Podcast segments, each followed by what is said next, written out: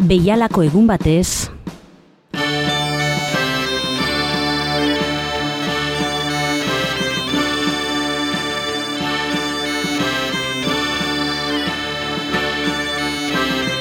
Agur eta ongi etorri Bilbo iria irratiko entzule zaren hori.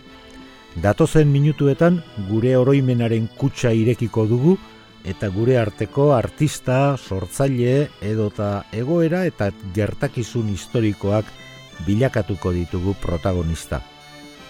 Satoz beraz eta gera zaitez bada gurekin.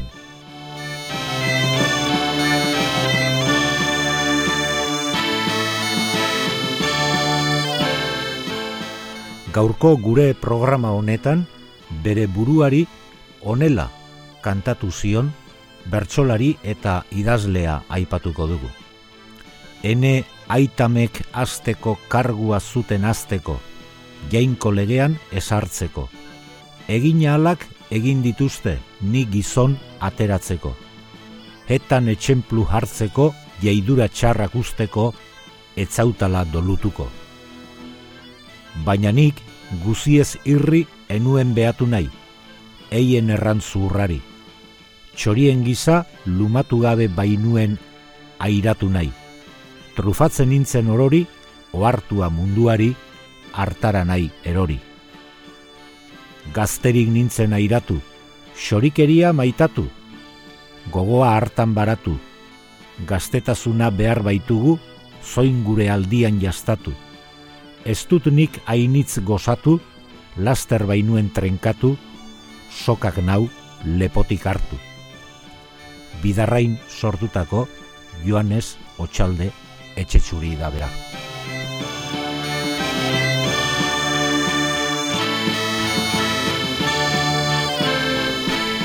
Eta Joanes Otxalde zena gogoratzera gatozkizue, gaur bezalako egun batez, mila sortzireun eta larogeita amazazpiko abenduaren amairuan alegia hiltzelako bere sorterrian, Nafarroa behereko bidarrain.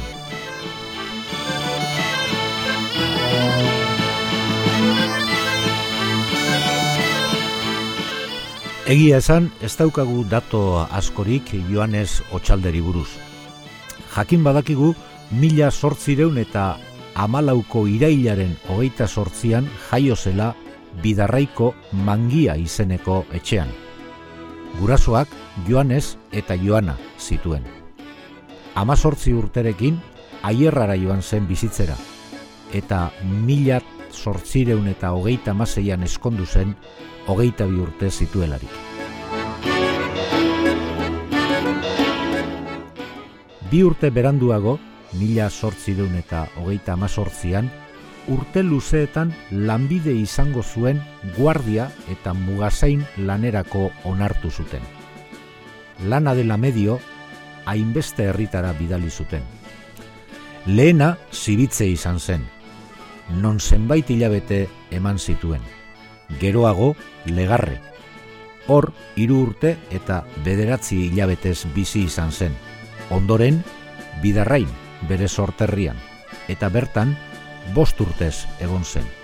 Gero behartuta esaten dutenaren arabera eletara eta hortik sarara ere bai urrengo helmuga lekorne izan zen, eta lekornen zazpi urte eman zituen.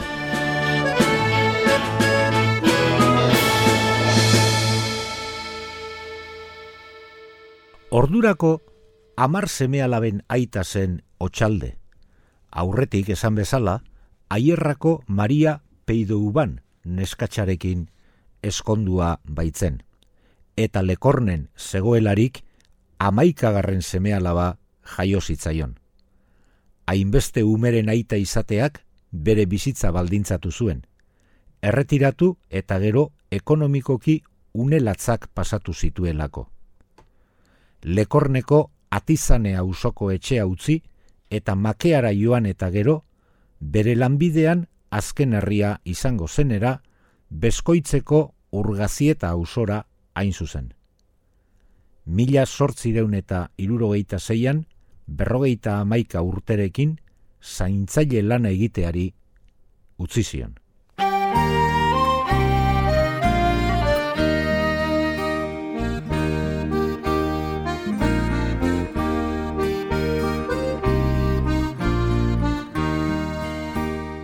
Jakin badakigu mila sortzireun eta berrogeita emeretzitik mila sortzireun irurogeita mabir arte, bezkoitzen bizi izan zela.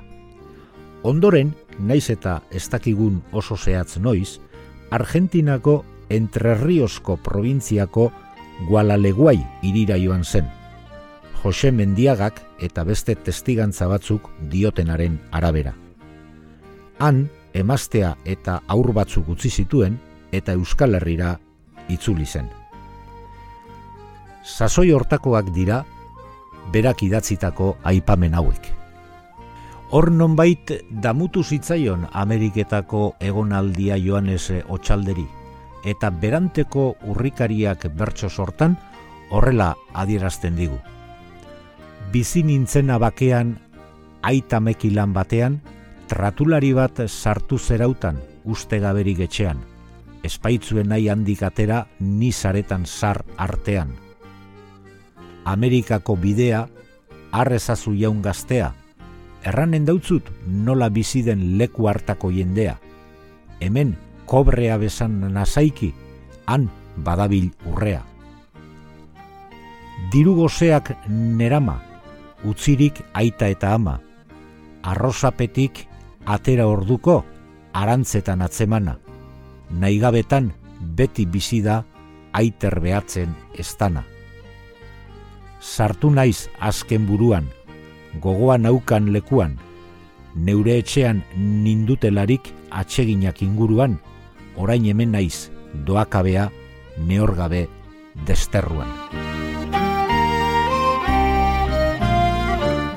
Xabier Ramuritzak eta Jon Maiak mende baten aldarriak izeneko lanean Otsalderen bertso hauek batzen dituzte eta honela diote arestian entzundako pasartei buruz. Oraingo Afrikarrekin bezala, orduan ere baziren trafiko sareak euskaldun asko engainatuta, gero han gogotik bezain alferrik damutzeko eraman zituztenak. Bidarraiko otxalde famatuak, mendearen hasieran baino lehentxoago, ez zuen ez gezurrik esango.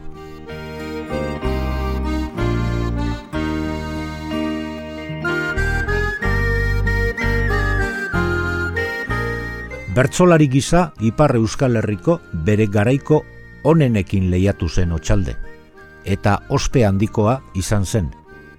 Berrogei bat urtez, Ipar Euskal Herriko hiru herrialdeetan zehar ibili baitzen. Manes iriart urrutik berari buruz idatzi zuen eta esapide bat ere sortu zen bere ospeagatik. Emakor osalde, eskualdunen alde.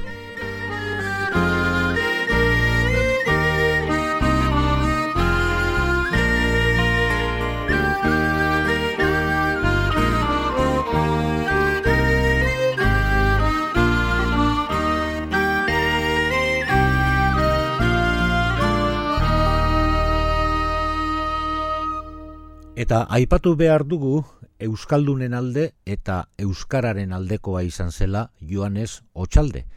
Naiz eta ideologikoki gorriak deitzen zirenekin lerrotu zen gazte-gaztetatik. Gorriak, errepublikar saleak, sasoi hartan, eta horrekin batera Elizara gutxitan hurbiltzen zen jendea. Ez da Otxalde horren adibide bakarra, bere garaikide Elisanburu edo Barkoseko etxaun ere, bakoitza bere mailan, bere estiloan, horretan lerrotu beharko genituzke. Errepublikarren aldeko gorrien artean alegia. Dena den, otxaldek, jakin badakigu, besteak beste, naiz eta harreman onik ez izan apaizekin, salbuespen bat egon zela. Grazien adema, bidarraiko erretorea, besteak beste, bere lagun handia izan baitzen. Dena den, azkeneko momentuan, joan esotxalderi, Eliza ofizialak etzion bere errepublikartasuna eta bere gorritasuna barkatu. Eta are gutxiago, Argentinatik Euskal Herrira itzuli zenean, familiaren parte handi bat emaztea eta zenbait seme alaba bertan erdi abandonaturik edo ustea. eta etzuten leku sakratuan lurperatu. Aldiz, Elizan bururi beste arrazoi batzuk direla medio parkatu zioten.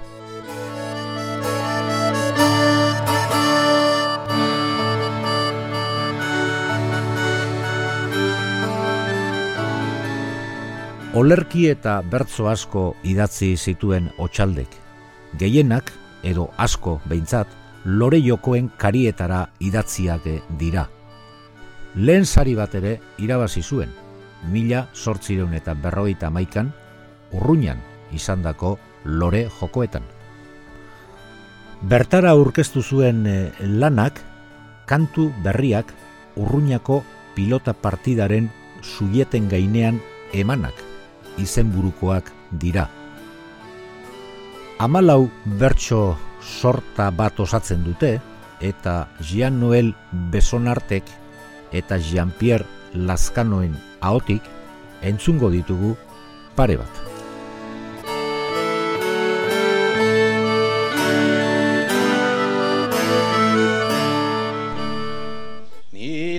Mila sortzi euntan berroita meka Urruinan gertatu da oraiko suieta.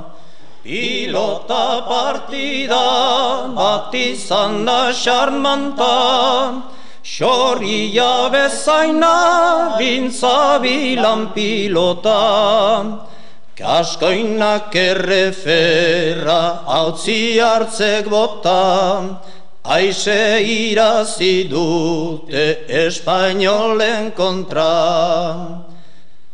Sarratarrak zituzten hartuiak lagunak, Guziek dakitenak pilotarionak.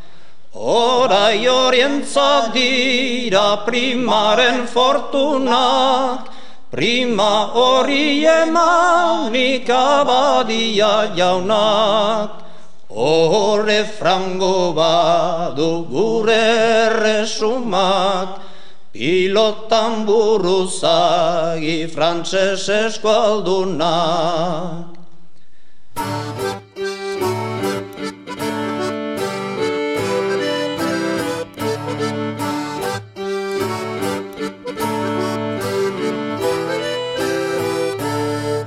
Otsalderen bapateko bertsorik iritsi espazaigu ere, sariketetan aurkezturiko bertso paper ugarik bertsogile bikaina zela argiro frogatzen digute.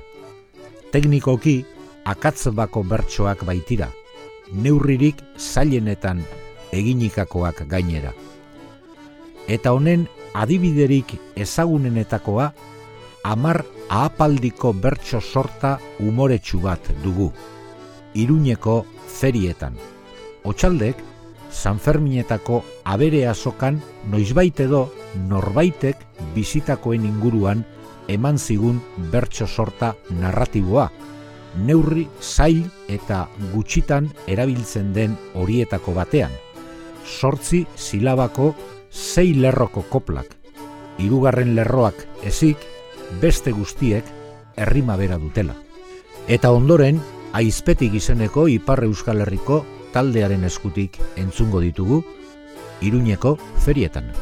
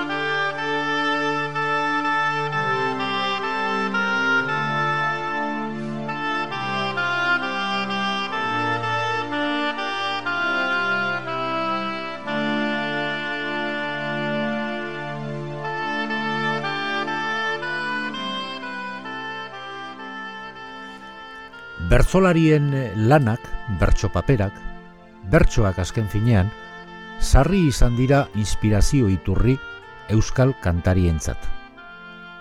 Eta horren adibidetariko bat, Mikel Laboa izan liteke. Mikel Laboak, besteak beste, Otsalde zenaren zahar gazteen arteko parabola musikatu zuen.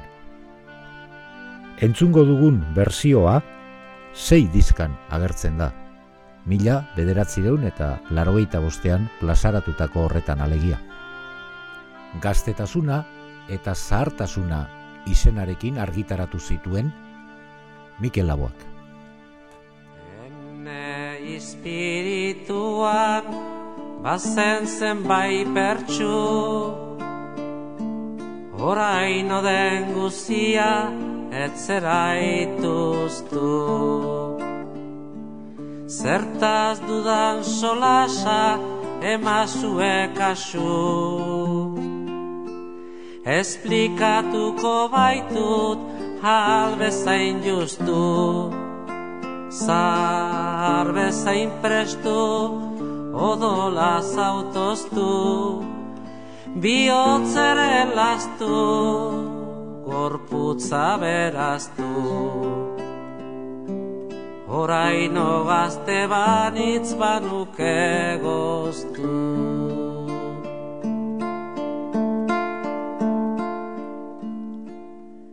Zar gazten arteko hau da parabola.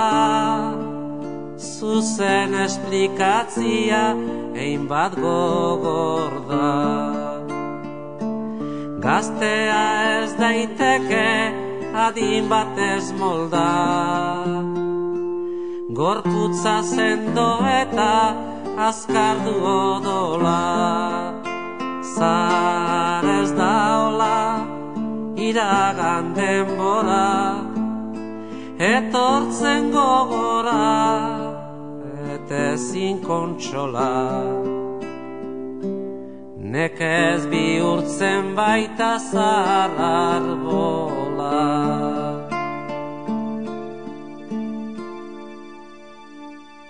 Egunak badoazi, egunen ondotik, ez dira elgarri duri, joaiten argatik. Atzo iguskiaren diztira zeruti Egun obela jargi itxaso aldeti Euria ondotik azida gogoti Edoien barnetik hortakoz badakik erituko naizela guztiz gerozti.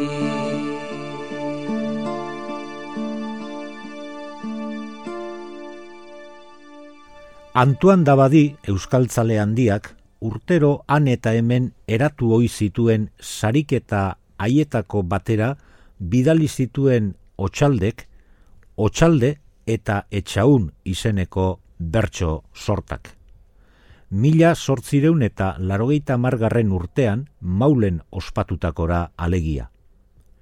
Oso ezagunak dira Ipar Euskal Herrian. Bi koblakari haundiok, Nafarroa bereko otxalde eta zueroako etxaun, biok elkarrekin patxadan koplaka jardun balira bezala eginak daude. Eta horretarako bi euskalki desberdin darabiltza, otxaldek baina etxaunen ahotan jartzen duen euskara ez da zueroera. Doinua ere oso egokia da. Entzungo dugun bertso sorta horren bersioa, etxaun pastoraletik berreskuratu dugu. Bertan, kantariak, barkostarrak edo ingurukoak dira. Agurra dizkidea jenko bak egun nun, zer berri den errazuzuko toixu beron. Ezagutzen duzia barko xene txahun, Olako koblarririk ez umen danihun, Biditaz joan indaite ez balizain urrun. Jauna ezagutzen dite txaun barkosen, Egün oroz nitzo züljantik ebilten. Beti gazte zinegon nari da zahartzen, Lau hogei urte dutu mundian igaiten, Orai ez da bestetzaz hanitxok upatzen.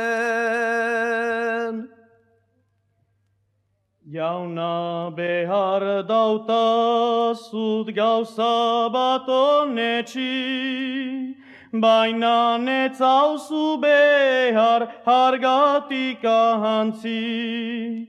Hontaz egiten dauzut gomendiorik aski, Kompreniturren duzu hitz laburrez naski, Ero zuen partez milaka goraintzi. Zure komisionia nahi dizut egin, Kumbenitzen zita zutan isplazerekin, Egon nahi jazira haren jaunarekin, Una etxa bera prezenda zurekin, Nik ere ez diota zur nur ziren jakin. Jakin ere behauzu dudarik angabe, Zeren egin dautasun errespetuz galde. Aditu izan duzun itaz lehen ere, Nor nizan eraitera ez baitut erabe, Lapurdin deitzen nute jan batizto txalde. Miotzaren erditik egiten diteri, Zuren ganik entzutez parabola hori. Da mützen ez batzaio zeluko jaunari, Behar ditzugu eman zunbait bertxed berri, Bai eta berde moan eskiak elgari. Amodioz derauzut eskua hedatzen, Zon bat atsegin dudan ez duzu pentsatzen. Juge batzuen haute laski atakatzen, Ez dudala ikasi bertsuen moldatzen, Zuk laguntzen banauzu ez naute lotxatzen. Etxa untxi beruan notxalde lapurdin, Mürüzagi girade kantoren egitin. Ez gitützügü lotxan urna hijindadin, Eranen ditorotan gure eskualerin, Jokaturen dugula hek plazer dutenin. Jauna ez dugu behar sartu urgulutan, Etxaminatu gabe nort gure buruan. Irakurtu izan dut lehen liburuan, Jaunen jaunak direla gertatzen munduan, erbia loda gola ustez den lekuan. Lehen zaretarik entzun aditori, Mundian bat badela denen buruzagi. Halere nahi badiran Uneski kantatzeko zumait bersez berri, Lotsa gabe gütützü denen çerbüçari.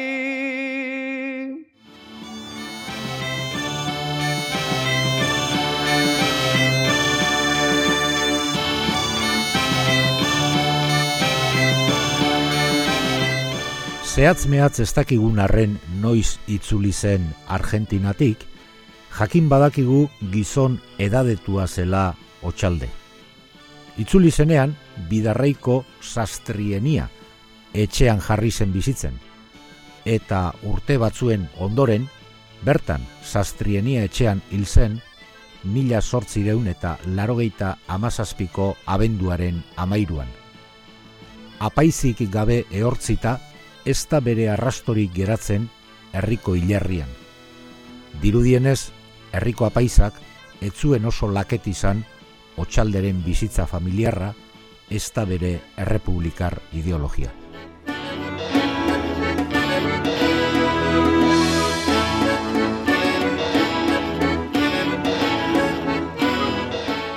Eta onaino lagunok Joanes Otxalde bidarraitar bertsolariari buruzko zenbait pasarte. Guarda eta kontrabandista. Elizara gutxi hurbiltzen omen zena.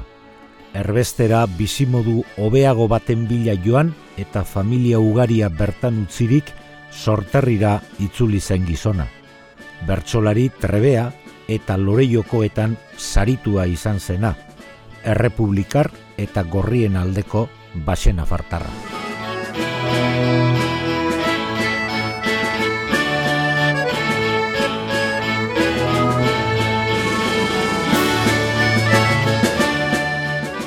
Eta zuk entzule, jakizu, leku bat aukazula gorderik gure programa honetan. Gaurkoarekin laketu bazara, posik usten gaituzu ondo izan eta urrengo batera arte.